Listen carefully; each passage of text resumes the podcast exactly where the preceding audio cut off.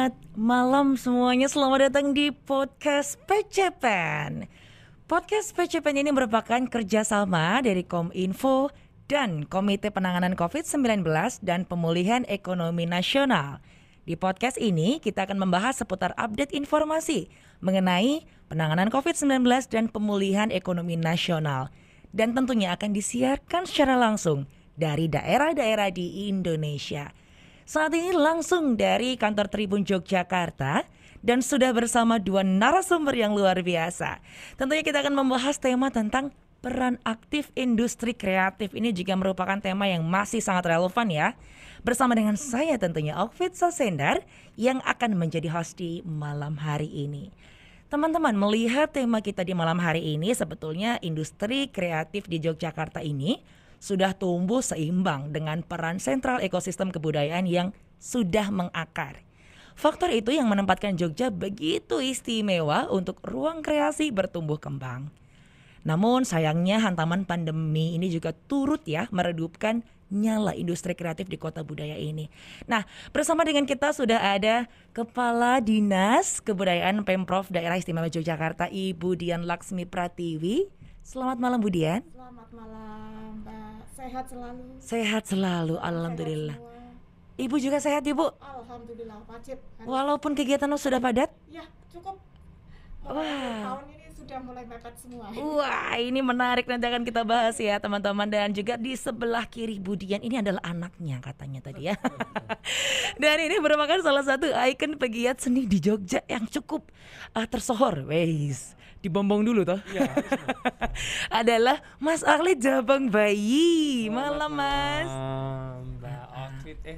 Okfit. Okfit ya. Gak pakai 19 loh. Iya, iya. Nanti kalau pakai 19 ditanganin iya. nanti kan. Nah, Mas Alit nanti juga akan mendapat pertanyaan spesial ketika memanggil nama Mas Alit Jabang Bayi ini apakah Okfit harus pukul-pukul perut?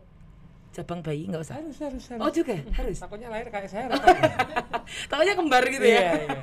oke menarik sekali ya teman-teman. Kita akan membahas lebih tuntas lagi nih tentang tema kita di malam hari ini. Pertama kita akan nanya dulu sama Budian boleh ya Bu?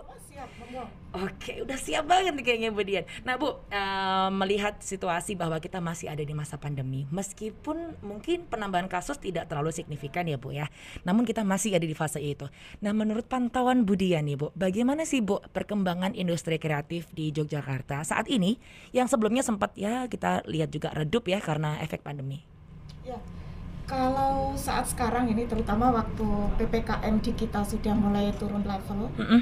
mulai dari empat dulu kita sudah uh, mulai mengalihkan konsep-konsep pertunjukan ya konsep-konsep mm -hmm. uh, berkebudayaan okay. kemudian kerjasama dengan teman-teman nah setelah mulai di ppkm level 3 dan apalagi sekarang level 2 nah ini uh, ternyata apa ya waktu kita di PPKM 4 itu cukup banyak merenung kali ya, cukup banyak waktu kemudian akan uh, kreasinya menjadi lebih luar biasa dengan teman-teman kami, salah satunya beliau ini.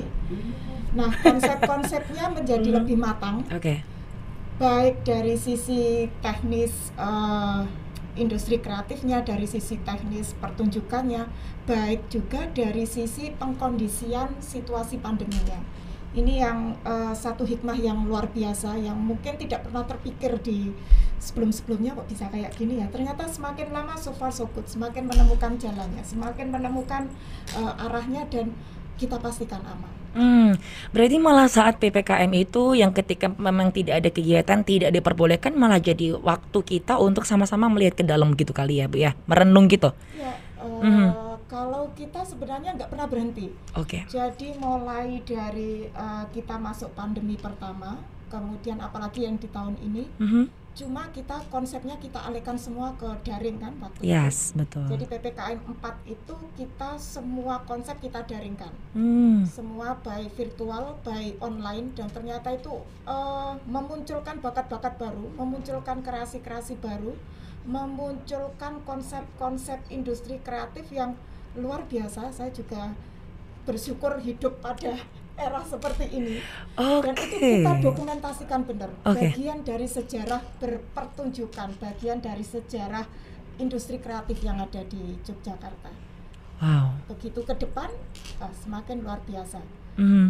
eh, virtualnya sudah mulai hibrid lagi, tapi hibridnya lebih perkawinannya tuh manis banget. Mm, mm, mm. Smooth ya Bu Dian ya. Smooth Hmm. dan eh, kami pastikan aman karena eh, kita coba cek ternyata klaster-klaster yang mungkin masih ikutan muncul di eh, berikutnya Mhm. PPKM level 3 dan level 2 rata-rata masih di eh, sektor pendidikan Oke. sama mungkin kunjungan wisata yang eh, apa ya yang mungkin terlalu Dalam jumlah yang Iya, banyak cukup, ya. Cukup banyak karena waktu itu PPKM level 3 dan level 2 kita kayak ada teman-teman kalau bilang seperti wisata balas dendam gitu ya. Udah lama di rumah Iya. bruk gitu ya. Mhm, mhm. Tapi kami pantau dari sisi eh, event, dari sisi festival, dari sisi pertunjukan ternyata fine, fine aja. Oh, Oke. Ini yang cukup kami cukup melegakan, cukup eh, membanggakan karena memang kami dengan teman-teman penggiat pelaku seni, festival dan lain-lain memang kita eh, kompak sepakat Mhm, untuk mhm. eh, benar-benar jaga ini karena ya ini hidup kita ya Mas Alif. ya. Laras, Bu. Betul Kalau kita tidak tidak sama-sama nanti malah dibubarkan semua. Iya. Tapi kekompakan ini terlihat sekali loh ya. Iya. Sudah terlihat sekali ini. Kemarin seperti- kelihatan dari baju kami. Sering, sering, Oh iya iya iya. sering ketemu. Matching Sering ya. Sering ngobrol dengan teman-teman. Oke. Nah kalau seperti itu Bu, tadi kan juga sudah disampaikan bahwa kita harus kompak Harus gitu kompak. kan daripada nanti ada ketidaksamaan suara dalam Hmm. penyelenggaraan event. Kalau di sisi Mas Alit nih dalam mungkin pegiat seninya gitu ya, Iya. yang langsung mendapatkan peran turun menjadi uh, penyelenggara gitu atau mungkin pegiat-pegiat seni. Kalau teman-teman suara-suara selama pandemi kemarin gimana Mas Alit? Jogja itu notabene aman karena kita punya dinas kebudayaan yang menaungi kita, Wes. yang melunasi angsuran kita. Jadi di awal pandemi kami teman-teman teman-teman eh, apa namanya penggiat seni itu berkumpul Ya. di rumah saya waktu itu Hmm. kita nangis bareng. Oh gitu. Merayakan kesedihan Iya. gitu. Perlulah ada masa untuk Iya. bersedih Yes, ya, supaya yes. kita eh, lebih refresh. Tapi Hmm. benar ibu nangisnya kan nggak nggak yuk nangis menyesali tapi aku kudu berbuat sesuatu ini. Mm. kita bikin dami waktu itu kita bikin dami apa pun lah kita bikin live eh, dengan sosial media yang ada pokoknya apa pun dami ini nanti suatu saat bisa laku ya insya Allah ya laku gitu Mm, mm, mm. jadi yo sedihnya cuman karena ih kita menemukan cara baru yuk biar caranya Oke. gitu Jadi tidak fokus ke masalah tapi solusi Oh, gitu iya. kan. Wis. ibu saya orang Oh. kok Ini kalau ngomong-ngomong eh, fokus ke solusi ini juga pastinya tidak hanya sendirian ya Bu ya. Iya. Pasti juga dinas memiliki peran penting. Nah, Bu upaya-upaya pendekatan ke teman-teman pegiat seni gimana sih Bu kalau dari dinas? Iya, jadi eh, kita waktu itu saya kira semua saya yakin teman-teman di seluruh Indonesia di pemerintahan Mhm, mhm. itu juga shock semua ya. Iya. Maksudnya eh, kami itu secara sistem penganggaran juga sangat terstruktur, tidak Hmm. bisa langsung mengubah tahun apalagi kalau kami menggunakan dana keistimewaan itu Nmin 2. Jadi kami di 2023 anggaran kami itu sudah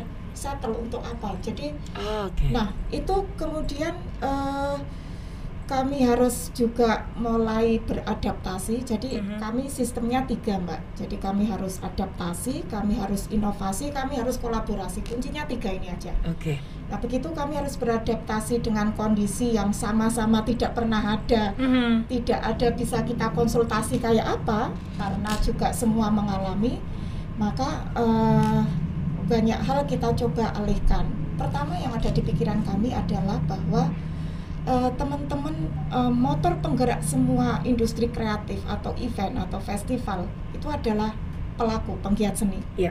maka pikiran kami waktu itu kuncinya teman-teman penggiat seni dan keluarganya harus sehat dulu Mhm. ya nggak mbak Betul, Prinsip setuju. itu harus sehat dulu sehingga kami mencoba mengalihkan anggaran kami untuk vaksinasi nggak pernah kan mbak dinas kebudayaan vaksinasi vaksinasi selalu dinas kesehatan Betul. tapi kami mengambil eh, Jalan mengambil, itu. ya, mengambil jalan Wow. itu kami karena kami harus yakinkan Mhm. bahwa teman-teman akan jadi gini kami harus mengkondisikan satu kesehatan dua kondisi supaya daya berkebudayaan daya berkreasi teman-teman itu masih tetap terjaga itu yang kemudian menjadi kunci sehingga kami memakai konsep buka jalan buka jalan itu membuka jalan Oke. satu konsep eh, bagaimana kami mencoba mengatasi beberapa kendala Mhm. eh, dengan melihat ekosistem kebudayaan Mhm. jadi ekosistem kebudayaan itu ada pandemennya, ada pelakunya, ada para penyedia logistiknya, ada. Nah, itu benar-benar kita cek. Oke. Yang pertama kita pastikan harus sehat dulu. Kalau nggak sehat nggak mungkin. Kuncinya sehat dulu ya, Bu. Kuncinya sehat dulu. Mhm. Maka kita vaksin. Kita sudah melakukan 10.000 pelaku seni dan budaya se-DIY plus keluarganya harus sehat. Merinding saya, Bu. Sekeluarganya juga soalnya. Ya, sekeluarganya. Oke.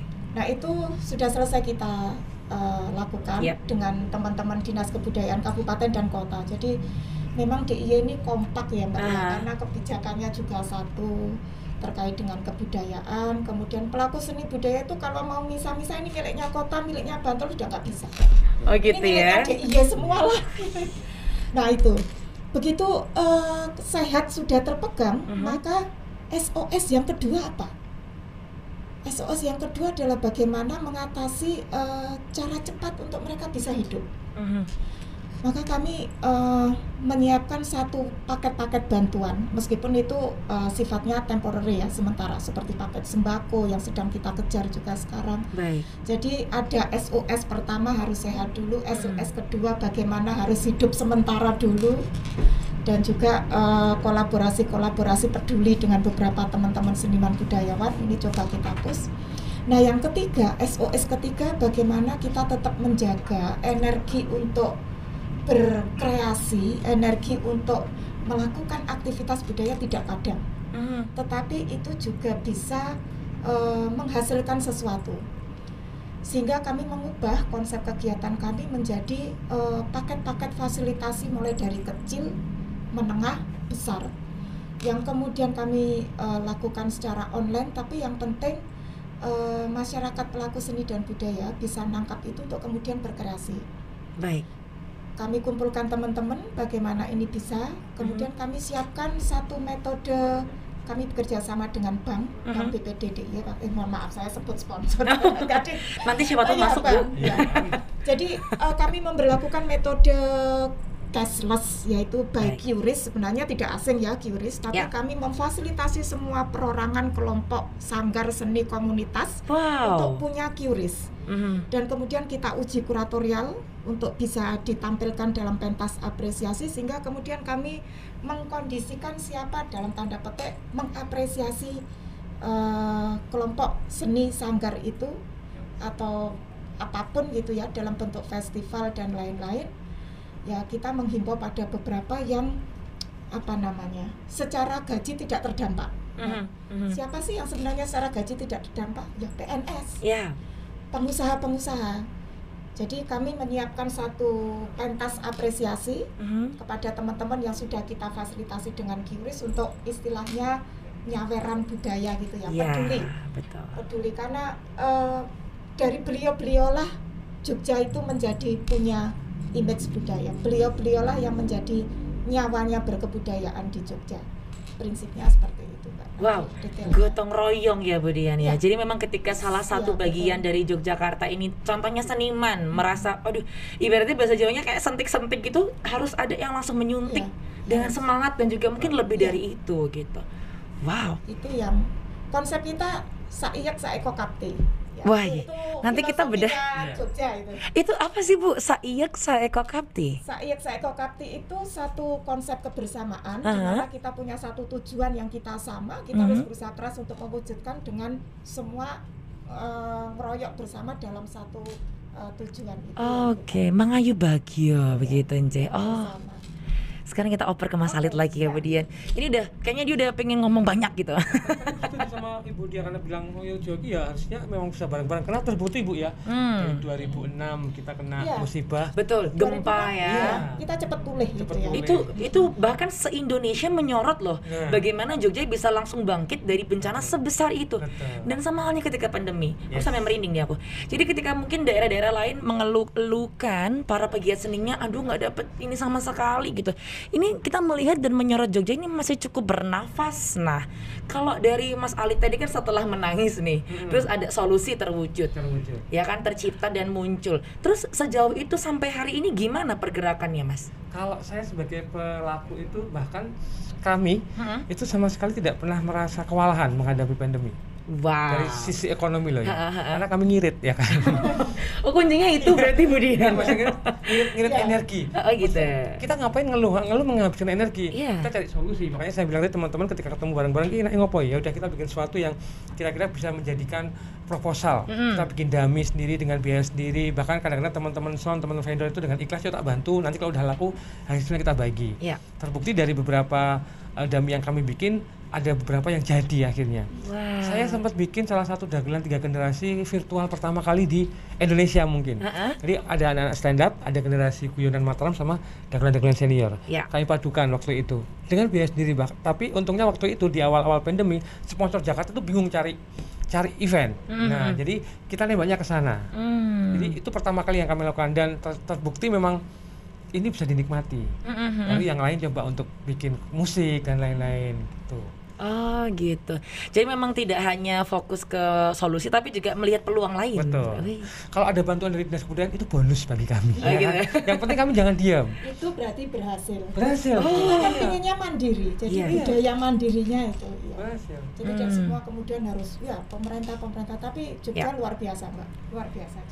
Ibu, sepertinya kita harus mendengar suara Ibu lebih jelas lagi. Boleh Ibu Oh, lebih mendekat? siap. Nah, jadi eh, teman-teman ini bisa melihat dan mendengar suara Ibu tuh lebih jernih gitu ya Mas Oke, Alit. ya. Oke, terima kasih Ibu ya. Siap. Kalau tadi Mas Ali sudah memberikan informasi bahwa kita benar bahwa tidak hanya fokus ke solusi tapi juga melihat peluang yang ada. Nah, kalau dari dinas sendiri nih Bu, tadi kan sudah upaya dilakukan untuk seniman dan keluarganya. Kemudian eh, sekitar ini nih masih masih di masa pandemi kali ini ya Bu. Ada nggak Bu program yang sedang atau nantinya akan dilaksanakan untuk teman-teman seniman?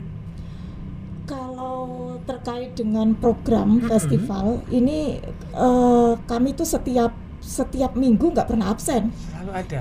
Rutin mingguan iya, ja- berarti. Ini nih kita sudah nggak pernah libur ini Sabtu Minggu terus ini nanti nanti malam besok malam kita sudah ada pekan difabel. Jadi kita, Besok malam, hari iya. Minggu? Jadi seniman-seniman itu kan juga sampai pada seniman-seniman yang berkebutuhan khusus Iya. itu juga eh, kita. Jadi kalau saya mau cerita sudah hampir eh, ratusan event yang Mm-mm, kemudian mm. sudah kita handle. Nah ini karena sudah November mau tutup nih, mau Akhir tutup tahun tahun, ya. ya. Ini sudah berapa? Jadi eh, cukup banyak. Kami kemarin sudah ngobrol-ngobrol dengan teman-teman di Jogja Festive, yaitu eh, satu forum di mana isinya adalah para komunitas penggiat festival yang Ya. ada di Yogyakarta. Hmm. Nah itu eh, luar biasa kita punya tekad yang sama. Tapi kalau untuk yang ke depan ini sampai Desember ini Mm-mm. eh, kami sudah hampir mencapai 80% lebih event sudah terselesaikan. Wow, Masa- bahkan di masa tinggal- pandemi pun bisa kejar target ya. Iya, makanya kami bilang kejar target itu eh, pertengahan Desember kami harus sudah selesai dengan event dan itu Sabtu Minggu Sabtu Minggu semua kayaknya hampir kehabisan hari deh mas kita mau masang mau masang kegiatan event itu. Di rumah saya tuh tiga orang pekerja seninya. Bapak saya ada mas saya, ada Iya. saya. Dua-duanya tuh ya laku terus. Mas saya tuh nggak pernah di rumah. Selalu dinas kebudayaan. Iya. Entah itu tarian, entah itu teater, dia ikut di situ. Entah itu musik. Mas neng dia masuk biasa. Hei. Soal ibu gitu. Eh, sama ibu. Kantor kedua ya. Kantor kedua, iya. Keluarga tuh hidupnya di, di kebudayaan. Di dinas semua Ah, ya. jadi Hmm. justru mereka bisa pakai baju coklat juga ya. Dikasih seragam lama-lama bu.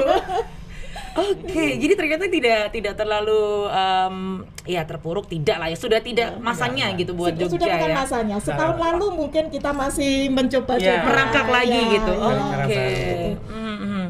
Berarti ini hampir 80% terselesaikan sampai Desember. Tapi ada nggak Budian sedikit mungkin kekhawatiran karena kita sudah melihat Jogja tidak pernah sepi sekarang. Iya nggak Bu? Saya tadi nyampe dari Solo aja, wah muacetnya minta Iya, ampun. betul. Tapi itu adalah hal baik yang kita juga nantikan bersama ya. Eh, tingkatnya wisatawan datang banyak juga, budaya-budaya juga mulai aktif. Nah, tapi ada nggak Bu kekhawatiran mengenai lonjakan nanti mungkin wisatawan kembali? Apalagi ini mau Natal dan Tahun Baru. Kalau Budian gimana tuh responnya? Ya, kalau saya eh, khawatir itu tidak kemudian harus menjadi satu penghalang, tapi waspada itu penting. Jadi Oke. beda antara khawatir dengan waspada. Ya. Yang penting eh, kalau kami selalu diliputi rasa khawatir, rasanya eh, akan macet nih kreasinya. Jadi kami lebih suka ambil kata waspada daripada khawatir. Nah, eh, arahan dari pimpinan kami, Pak Gubernur, itu selalu bilang jadi DIY itu yang tidak pernah kemudian langsung oh ini nggak boleh ini nggak boleh tapi yang kita pastikan adalah bahwa teman-teman masyarakat itu uh, lebih kemudian sadar Mhm. uh, event atau apa pun yang akan ditampilkan atau apa pun yang kemudian uh, berpotensi mendatangkan kerumunan itu harus dicek oleh gugus tugas dulu. Oke. Jadi memang kami ada prosedur untuk uh, semua konsep-konsep kami selalu dibaca dan juga dicek bahkan disidak oleh gugus tugas di di DIY. Nah uh, untuk itu memang uh, kami butuh disiplin, butuh butuh disiplin, butuh tegas bagaimana mengatur alur. Bahkan kayak uh, kemarin kita baru selesai baru selesai atau masih masih proses ya ngayuk jazz itu Mhm. ngayuk jazz Sudah sudah selesai, ya oke. ngayuk jazz kemudian kayak uh, art jog yang berlevel internasional binal berlevel internasional jadi kita uh, terkadang mencoba mencari solusi untuk memecah keramaian Hmm. sekaligus untuk membangkit uh, membangkitkan venue-venue yang berada di kadang kita tidak pernah masuk ke sana area-area pedesaan area-area desa budaya desa wisata Ya. itu kemudian apa mem- me- memecah Hmm. memecah memecah kerumunan memecah eh, pembagian pemerataan ekonomi juga memecah pemberdayaan karena masyarakat di sana juga akan hidup dengan event-event itu Iya, betul. nah itu eh khawatir iya tapi yang kita lebih ketekan adalah waspada Waspada. cuma kita memang janjinya disiplin ya itu tadi Mm-mm. kadang kan eh satu apa terutama teman-teman kami yang di pariwisata itu ya Mhm. saya sangat paham dengan keruyuan eh, pariwisata balas dendam itu Nah, Nah, itu itu loh, sehingga- Bu. Heeh. kemudian kami memberikan porsi yang cukup banyak kepada teman kami di satpol pp Ya. jadi untuk ikut bersama Mhm. eh, di dalam satu urusan kebudayaan jadi kami itu urusan kebudayaan tidak hanya kebudayaan sih mbak Hmm. kami punya teman dari seluruh OPD yang ngurus kebudayaan Jadi bareng-bareng nyengkuyung ya, Bu. Iya, Mm-mm. Satpol PP juga bagian dari kami. Karena apa? Kami harus mengamankan ini. Teman-teman ini. Ya, pariwisata pariwisata kami, pariwisata Iya, eh, DIY juga bagian dari urusan kebudayaan. Kebudayaan. Ya. Oke. Kompleks sekali ternyata. Oh, iya, Wow. komplek ekosistemnya Mm-mm. Cukup, Luar biasa. ya. Kita bergeser ke anaknya, Ibu. Betul, siap. Nah, Anaknya Mas. Mas Ali, tadi kan Ibu sudah ngendiko bahwa memang tidak memilih kata khawatir, lebih baik waspada. Iya. Kalau dari teman-teman sendiri, ini kan eh, pasti sudah mulai tinggi lonjakan untuk wah semangatnya udah boleh hybrid juga lumayan banyak ya kapasitas tamu sekarang. Nah, kalau teman-teman nih Mas untuk memanfaatkan potensi itu kan pasti mau buat pertunjukan-pertunjukan Sudah biar wisatawan datang. Iya, itu apa aja yang dilakuin teman-teman sejauh ini? Teman-teman sampai hari ini. menikmati apa aja yang ada ketika kita pemerintah memutuskan untuk ini akan ada ppkm level 3 4 ya udah paling nggak kami kemarin sudah bergerak Oh, kalaupun gitu. harus berhenti sejenak itu berarti tak break dulu nggak apa-apa. Untuk ngecas energi lagi. Karena kalau Ah. keseringan tampil ya kadang-kadang kehilangan ide toh mbak. Iya, betul. butuh jeda toh. Kami kami teman-teman kalau misalkan ada lagi nanti ppkm level 4 atau 3 ya wis nggak apa-apa anggap aja kita ngecas lagi untuk bikin konsep-konsep baru. Karena selama pa- pandemi kemarin saya itu bikin band Hmm. sama yang lebih muda. Kami bikin pertunjukan virtual kami bikin live di IG teman-teman influencer di Jogja untuk support UMKM yang terdampak sangat terdampak jadi kita bikin kayak ngobrol bareng teman-teman UMKM yang UMKM yang mereka itu mungkin dagangannya kurang laku waktu itu Oh, berarti live shopping gitu live gitu shopping, ya. live shopping. Sama jadi kita ngajak teman-teman influencer yang muda-muda di Jogja untuk bikin bergerak, yuk yuk gawe-gawe ya wes gitu aja. Walaupun memang, Ah. memang mungkin dampaknya nggak begitu, tapi paling Ya. tidak kami bergerak dulu. Iya, iya, iya, oke. Oh, berarti misal nanti eh, ya kita mungkin tahu bersama bahwa Iya. ada sedikit eh, informasi yang sempat kita dengar ya. Betul. Tapi memang kebijakan ini belum ditentukan pasti Yes. atau tidaknya masih mengalami pengkajian-pengkajian lagi. Eh, Berarti apabila mungkin nantinya kebijakan ini keluar bahwa akan ada level lagi di bulan Desember dari sisi Mas Alit dulu deh. Teman-teman udah legowo ya berarti. Sudah, sudah siap. Maksudnya Ah. kita udah sibuk nih kemarin nih. Hmm. Ketika lanjut tiba-tiba bahkan tujuh hari kurang kata ibu. Tadi tujuh hari Iya, berkegiatan tuh betul, betul. kurang ya Bu Dian ya. Tanya, tanya Ibu Dian, sampai Ibu Dian mungkin bingung cari pengisi acara untuk tiap eventnya. Iya. Karena semuanya isi gitu, Bu. Oh, gitu. Semuanya isi. Ibu dari Solo bisa dari Solo bisa diekspor Mungkin ke bisa ekspor. Loh. Teman saya itu sehari nge-MC tiga kali loh. Wow. GR, Gladi Kotor sama eventnya loh. Tiga kali tuh sehari. Iya benar. Berarti Anda cukup rajin ya, Cukup Bapak ya. Makanya kalau ketika ini libur, paling nggak kami udah nabung ini. Iya. Secara ekonomi kami udah nabung. Ketika Yes. libur seminggu atau dua minggu ya sudah dinikmati aja. Kita mungkin bisa kumpul sama keluarga, sama sambil menjaga diri kan, karena Iya. kesehatan paling penting kan menurut saya. Yang kami khawatirkan itu adalah teman-teman sendiri dari kami yang kebablasan mulai seneng ngono loh kadang-kadang. Kalau udah ketemu kemudian lagi nongkrong di mana, ini tuh kadang-kadang dilepas mbak. loh. Saya pun kadang-kadang seperti itu, saking senengnya tuh ngobrol. yuk. Nggak sadar ya. Nah, itu yang yang benar, yang benar. mewa- yang bikin kami waspada kata Bu. Kata Budi ya. Wah dari kami sendiri, wah nek terlalu ketemu, ketemu lama-lama nggak ketemu toh, ketemu ngobrol seneng nganti copot masker, copot tutul kabeh. gitu. Ojo. Ya. Kok serem ya Bu lama-lama ini anaknya loh Bu. Karena dari kami, kami Saking senengnya. Oh, apalagi wisatawan yang dari luar bu ya, yang Iya. pengen banget menikmati Iya. Jogja toh, kami aja kadang-kadang kebablasan. Jadi kalaupun ada ada semacam momen untuk bu istirahat dulu ya wes kita ya wes istirahat. Aja. apa-apa gitu. Kita support yang lain aja siapa Iya. kira-kira yang harus harus kita angkat lagi di masa seperti ini. Mm-mm. Jadi ya wes santai wae. Oke, santai. Kalau kemudian mengawasi mungkin nanti adanya atau kewaspadaannya ini diwujudkan dalam bentuk apa, Bu? Ya, ke teman-teman maupun teman-teman. ke stakeholder lain. Ya, kalau dari sisi kami di stakeholders kami kami arahkan eh, berkegiatan indoor bukan Oke. outdoor. Jadi semua seperti waktu kami di level 4. Empat. Mhm. Jadi semua Cari. eh, kemudian kami anu rebutan gedung, Wih. rebutan space, rebutan- gedung gitu ya. Bu. Karena eh, begitu masuk ruang kan eh, semua sudah sangat terkontrol. Jadi Iya. kita hanya bisa mengontrol apa yang bisa kita kendalikan. Mhm. Jadi kalau dalam satu ruang eh, maka semua konsep kegiatan masuk indoor. Begitu Ya. indoor kita bisa tapping, bisa itu lebih bisa eh, apa terkontrol ya Mhm. seperti itu. Mhm. Jadi menurut menurut saya nanti Nataru dan lain-lain kita persiapan 2022 sebenarnya enggak eh, enggak masalah Oke. dari outdoor pindah indoor gitu aja. Mhm. Jadi kami semakin santai tuh, ibu Iya, udah menyiapkan semuanya. Iya. Tinggal jauh Saya- bu, gitu loh. Saya juga mau Bu jadi anak ibu dia. Malah mendaftarkan diri. gitu. Oh gitu. Tapi tetap ada tentu saja upaya untuk menarik wisatawan berkunjung ke Jogja ya Bu. Ya betul itu nanti eh, teman-teman kami di pariwisata Pak Sinji ini tadi juga WA-nan Mhm. eh, kita mulai membuka beberapa spot yang eh, untuk memecah keramaian ya jadi misalnya di Oke. Malioboro Mhm. eh, kita punya satu kawasan Ketandan Ketandan itu sebelahnya Ramana Ramayana, Ramayana. ada pintu Pecinan, gerbang ya. pecinan Oke. itu betul. Iya itu iya. masuk jadi kita punya dua aset di sana Mhm. Eh, eh, satu rumah budaya pecinan peranakan Mhm. yang itu kita setting untuk eh, satu event selama pandemi ini sedang kita siapkan. Hmm. Kemudian ada lokasi-lokasi lain yang memang eh, teman-teman di pariwisata mencoba memecah keramaian ini pada Ya. eh, lokasi-lokasi yang apa keluar kota ya, Mhm. sekaligus juga untuk menghidupkan yang di area-area kabupaten dan kota ini yang apa kita eh, kita push untuk lebih ke sana. Tapi ya Malioboro tetap kita kawal ketat karena orang itu kalau ke Jogja nggak ke Malioboro tidak sah. Jantungnya Jadi ya, itu. ya, Mm-mm. jadi kita maklumi aja, cuma Iya. memang kita tata benar gitu. Apalagi kalau misal ke Jogja belum sempat foto tuh gelonya Bu sampai rumah loh. Betul, betul. Dan ke Jogja tuh nggak cukup sehari dua hari, Iya, harusnya berapa lama Mas? tiga hari. Cuma sehari ya. tiga bulan. Karena kotanya rame, belum lagi Iya. kabupatennya bu ya, Pulau Iya. Bogor juga Spot-spot punya destinasi spotnya baru-baru itu kan lagi dicari orang, bahkan orang-orang yang dari wisatawan apa namanya dalam negeri ini Mm. justru kebanyakan nyarinya yang tersembunyi. Anti mainstream. Betul, gitu. kuliner juga cari yang tersembunyi, Sama kayak aku dong tadi nyarinya sembunyi di ya. pasar. Ah, iya. Ternyata ada loh Bu. Iya. Maksudnya memang tempat-tempat yang orang yang belum tahu sebelumnya dan di Jogja ini ada, mungkin di tempat mereka nggak ada gitu dan saya merasakan gitu.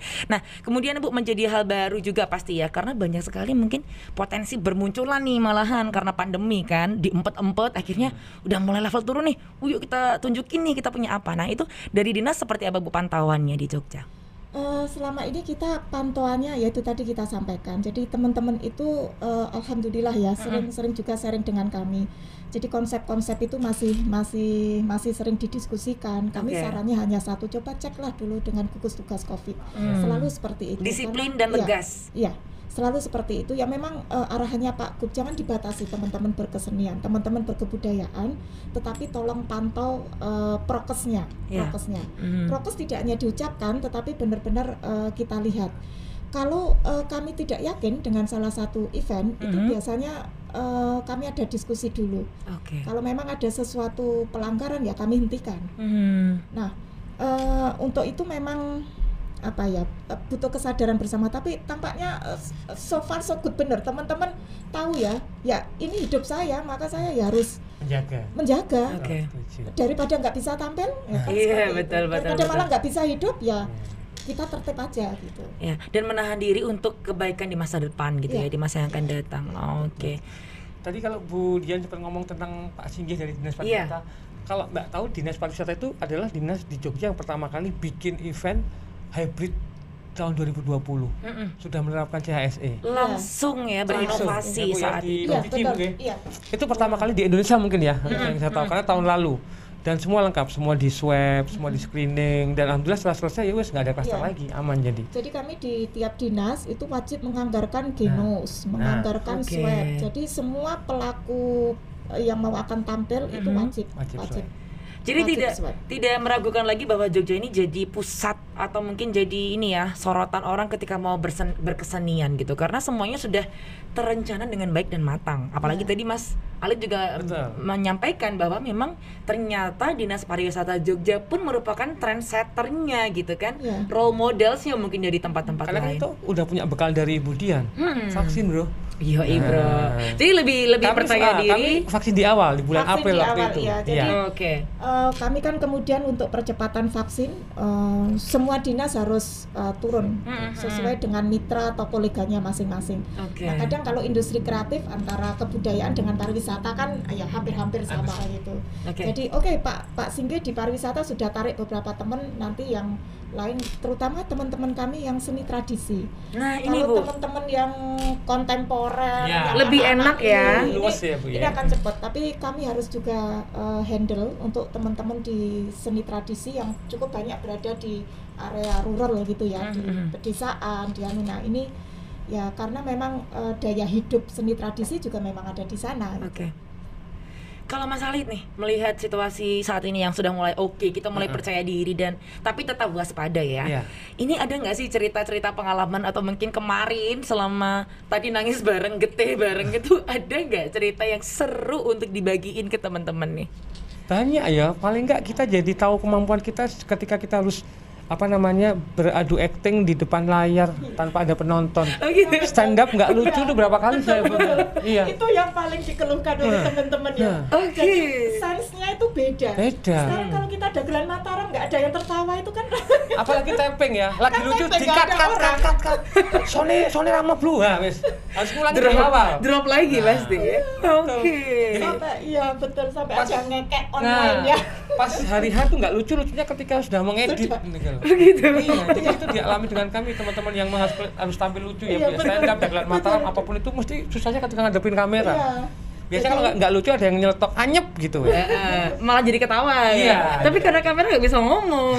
Ngomong makanya Oke, itu. ternyata gitu. Jadi kita ah, kalau anak-anak zaman sekarang milenial kan mereka udah biasa tampil di layar kan. ya kan kan begini Paling terus. nggak melalui handphone ya ada Iya, macam-macam. Nah kami bagi kami yang mungkin sudah agak tua itu kadang-kadang bingung ngadepin Iya, kamera. Nggak semuanya betul. bisa nih. Iya, yang seni-seni tradisi Nah, itu, iya, mulai seperti dari itu. angguk, kemudian ya ya eh, rata-rata itu kan juga menjadi tantangan tapi Iya, tetap tetap menyenangkan. Akhirnya dinikmati mau nggak mau. Dinikmati ya, dinikmati. Tapi akhirnya lama-lama ya Seru gitu ya, Bu. Jadi bapak-bapak, ibu-ibu yang memang sudah handle di seni tradisi dan kemudian yang luar biasa di DIY, teman-teman kami yang muda-muda Mhm. itu kemudian ikut terjun mengatasi eh, ke kegapekan Oh, para gitu. seniman-seniman sepuh, para seniman-seniman jadi pelaku-pelaku seni pedalangan itu Ya. kan cukup oh, Ya, kami punya eh, ribuan ya pelaku. Yes. ratusan untuk eh, dalang, sinden, pengrawitnya Hmm. di Pepadi, eh, Pepadang, Sukrokase, dalang-dalang muda. Nah itu kemudian ada eh, senior-senior yang agak gaptek itu kemudian mereka Dibantu. Dibantu, iya, dibantu.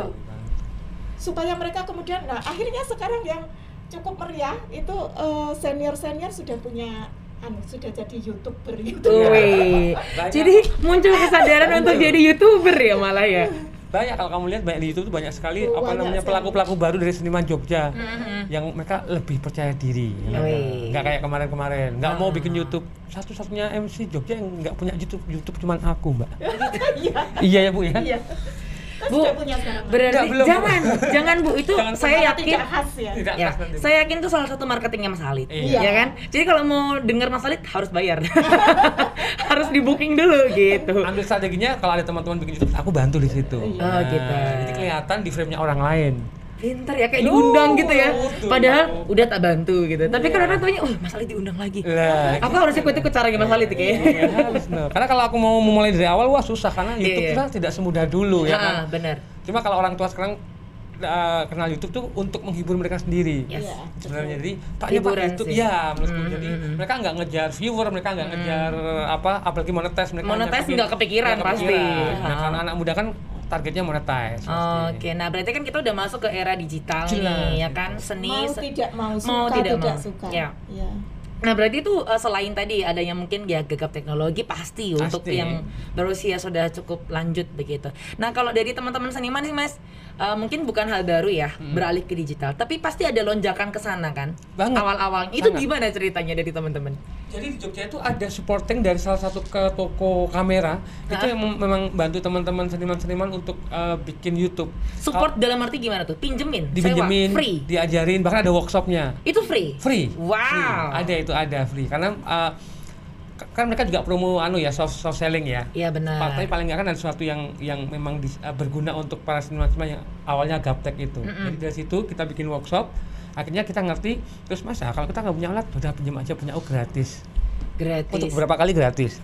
Tapi kalau udah mulai bisa baru bayar. Hmm. Jadi kami nggak nggak pernah masalah bahkan banyak sekali apa namanya teman-teman yang bikin studio podcast di rumahnya hanya pakai kamera apa adanya, ada dengan suara apa adanya nggak masalah. Justru se- semakin mereka apa adanya itu semakin bagus. Ha-ha. The power of kepepet itu nggak pernah salah Iya. ya. Sama juga ya, kalau kita kepepet itu ternyata Iya. eh, betul. jadi eh, kayak gini Mbak ceritanya Gimana, Bu? di eh, Jogja itu begitu eh, untuk teman-teman seni tradisi, para senior-senior kita atau yang berada di seniman-seniman di desa-desa Mhm. itu kalau kemudian kita berpikir bagaimana cara mengubah ke virtual Ya. maka kemudian yang terpikir di kita adalah jaringan IT jadi Yes. kita punya layanan live streaming gratis kan Mhm. cuma kalau kita sampai ke ujung Gunung Kidul atau Kulon Progo yang blank spot gitu kan Nah. agak susah nah sehingga kemudian eh, kami eh, di apa perencanaan dana keistimewaan kami eh, kami langsung taruh Mhm. untuk program eh, teman kami di Kominfo DIY kami support dengan eh, cukup banyak biaya untuk kemudian mengkondisikan internet atau jaringan-jaringan sampai ke ujung karena itu juga Oke. bagian dari kita vaksinasi. Jadi vaksin itu kan selalu tetap membutuhkan eh, jaringan internet untuk mulai eh, pendataan, Hmm. masuk di aplikasi dan lain-lain. Tapi sekaligus itu juga menjadi satu keuntungan bagi kami sehingga eh, senior-senior kami apa pelaku-pelaku seni tradisi, maestro-maestro tradisi di daerah Ya. itu bisa dialihkan ke virtual dengan adanya jaringan itu live streamnya kita Hmm. sediakan. Oke, jadi tidak hanya untuk menjangkau tadi ya sinyal untuk Hmm. mereka berkesenian, tapi juga ternyata membantu dalam program vaksinasi juga Iya, percepatan betul. begitu. Nah kemudian Bu, mungkin di tahun depan ini, Mas Alid juga pastikan sudah eh, memproyeksikan akan seperti apa. Kalau harapan tentu saja pandemi sudah hilang gitu ya Iya. Bu ya. Tapi tapi ada tidak eh, semacam harapan atau mungkin target untuk kesenian kebudayaan di Yogyakarta ini kalau Bu Dian? Eh, kalau kami ya itu tadi tidak pernah mikir manisnya dulu, tetapi eh, kami selalu punya pola pikir bahwa eh, COVID-19 tidak bakalan hilang. Hmm. Tidak benar. Jadi Ya. kami akan dengan cara berpikir seperti itu kita akan selalu siap Ya. dengan semua kondisi. Segala kemungkinan. Ya, mungkin saja eh, dulunya pandemi, ke Hmm. depan mungkin bisa menjadi endemi gitu ya. Ya. Tetapi konsep-konsep eh, by IT itu akan terus kita kita pakai, kita Hmm, lihat, kita evaluasi. Terutama kalau kami di kebudayaan sense itu ya. Ah. Seberapa besar sih eh, teman-teman seniman budayawan merasakan kehilangan dampak sensnya Iya. misalnya. Itu yang perlu kita eh, eh, eh, perlu kita kaji, kita evaluasi karena bagi kami eh, ke depan untuk kemudian teman-teman bisa tampil, bisa uh, hidup terus berlanjut tidak cukup banyak itu, tetapi uh, roso roso ya Mbak kalau kita karena itu yang memunculkan keindahan berkesenian. Yes. Jadi tidak kejar kuantitas, tetapi kami harus memikirkan kualitas teman-teman. Mm -hmm. Nah uh, dengan kondisi virtual seperti itu sebenarnya seberapa dalam tanda petik terdampak rasanya teman-teman itu juga menjadi bagian dari diskusi kami. Jadi kalau target kami, kami secara bertahap uh, sesuai dengan RPJP kita ya DIY uh, kita menuju ke pusat budaya terkemuka di Asia Tenggara dulu. Kemudian kita baru ke dunia. Jadi ya. memang uh, visi yang diamanahkan Pak Kup ke kami di kebudayaan sebenarnya tiga pendidikan kebudayaan pariwisata terkemuka hmm. di Asia Tenggara. Nah ini kita sedang mencoba ke, ke arah sana ya. ya di Asia Tenggara dulu nanti kalau sudah tercapai tahun depan tahun depannya langsung dunia ya bu ya sebenarnya paralel juga sih okay. kita 2019 uh, eh, sudah menjadi uh, kota budaya uh, ASEAN oke okay. kota budaya ASEAN jadi uh, miniatur uh, monumennya sudah ada di kota baru yang bentuknya dunia itu kita hmm. ditunjuk menjadi ibu kota budaya ASEAN di Yogyakarta 2019 wow. nah ini salah satu ya kalau Pak Gup ya targetnya Jogja untuk Jogja, Jogja untuk Indonesia, Jogja untuk dunia. Jadi selalu arahnya ke sana. Jadi kita hmm. nggak hmm. egois dengan dais kita hanya untuk yeah. Jogja saja, tetapi bagaimana kontribusi kita untuk uh, Indonesia dan juga dunia. Ini sampai speechless loh. Semakin adem loh dengar beliau iya. mempersiapkan. Berarti kami uh, pelaku seni eh, rasa khawatir. Ayam-ayam aja gitu, Bu. Kayak Mas Alit ini kan secara bertahap ya harus ke levelnya juga naik. Kalau oh, iya. semakin dikenal di sini ya dia uh-huh. harus naik level, naik okay. level, yeah. naik level. Oke okay, Bu, minggu depan saya pindah KTP boleh ya? ikut ikut satu sore aja Bu. Loh, jadi satu kakaknya Mas Alit nih. Kalau Mas Alit, harapan untuk tahun depan gimana? Kalau Ibu udah ngayamnya yeah. sudah jelas yeah. menjadi target bersama ya Bu ya, bukan ngayamnya lagi itu memang target kita bersama.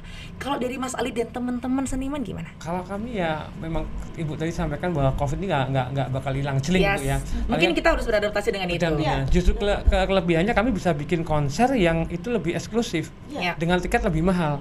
Oke. Okay. Yang nonton lebih banyak. Lebih banyak. Yes. Ya, Dan kan, dari mana saja ya? Betul karena keroncong hmm. kemarin kita jual tiket tuh harga dua ratus lima puluh ribu. Wow. Tiket konser untuk Jogja lumayan mahal bu iya, ya. Betul. Dan itu sold out. Dan sold out. Walaupun iya. nggak ya. banyak ya, pasti nggak nggak nggak sebanyak kalau mm -hmm. lebih terjangkau, tapi mm. itu penuh. Nah, ya. menurut kami, eh, kita bisa kok kita berdampingan dengan COVID. Berarti kita mm. bikin konser eksklusif di mana orang nggak akan pelit untuk ngeluarin duit buat nonton konser. Ya. Belum ya. lagi banyak sekali band-band Jogja yang dia nggak mau main karena pandemi. Mm. Ada satu band Jogja besar yang dia nggak mau main, nggak mau main. Ketika ya. dia mau main, pasti aku yakin langsung beludak. Nah, hmm. Jadi yo untuk jadi orang Jawa itu adalah ya wis ditompo sih kondisi ini. Yeah. Tapi bukan berarti menyerah ya. Yeah. Nah, bersyukur ya, lebih hmm. lebih bersyukur ya. hmm. ya. Pasti nanti ada satu saat pokoknya semuanya pasti akan indah pada waktunya. Asik. Itu ada, ternyata ada juga. Kami okay. buktikan semuanya. Itu ternyata itu nyata ya. Yo nyata. Waduh. Ini karena kita ngomongnya makin seru, tapi ternyata waktu yang memisahkan loh. Ya, bisa diperpanjang Mungkin jadi dua episode kali ya. Kalau gitu, Mas Alit boleh dong kasih iya. closing yeah. statement buat teman-teman. Teman-teman seniman, apa pun ya pekerja seni, jangan menyerah yeah. karena saya yakin saya juga mengalami tiga bulan nggak ngapa-ngapain hmm. tapi kalau kita berani bergerak kita berani beradaptasi dengan cara baru insya Allah kita menemukan formula untuk sama-sama bangkit dan sama-sama mengangsur. Utang lagi. Mengangsur cicilan. Yes, ya, ibu ini pusing nggak bu punya anak kayak gini? Oh, putra ragil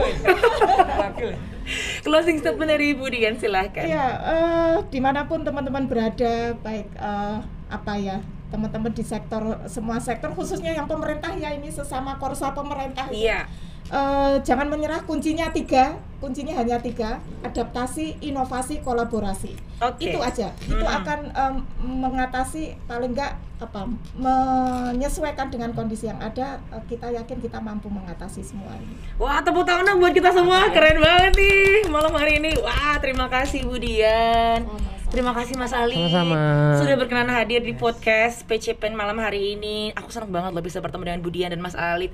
Tentunya juga berbagi banyak ilmu nih seputar kesenian dan kebudayaan. Nah, tapi sayang banget ya kita harus berpisah ya. Siap. Mungkin nanti bisa ketemu lagi ya di lain waktu. Baik teman-teman. Oke, okay, meski Walaupun di masa pandemi ini uh, penuh dengan pembatasan aktivitas sosial, tetapi geliat industri kreatif dan budaya selalu memiliki pergerakan positif karena selalu ada peran aktif dari para pelaku industri kreatif. Maka dari itu semua pihak perlu bekerja sama nih dalam percepatan vaksinasi, selalu menerapkan protokol kesehatan dan tentunya terus bekerja keras untuk mendorong pemulihan ekonomi nasional. Dan semua ini bisa dilakukan mulai dari kamu. So, kami sign out untuk podcast PCPN malam hari ini, malam terakhir di Yogyakarta. Karena besok podcast PCPN akan live dari Surabaya di jam 7 malam. Jadi jangan sampai ketinggalan ya. So, stay tuned and bye-bye.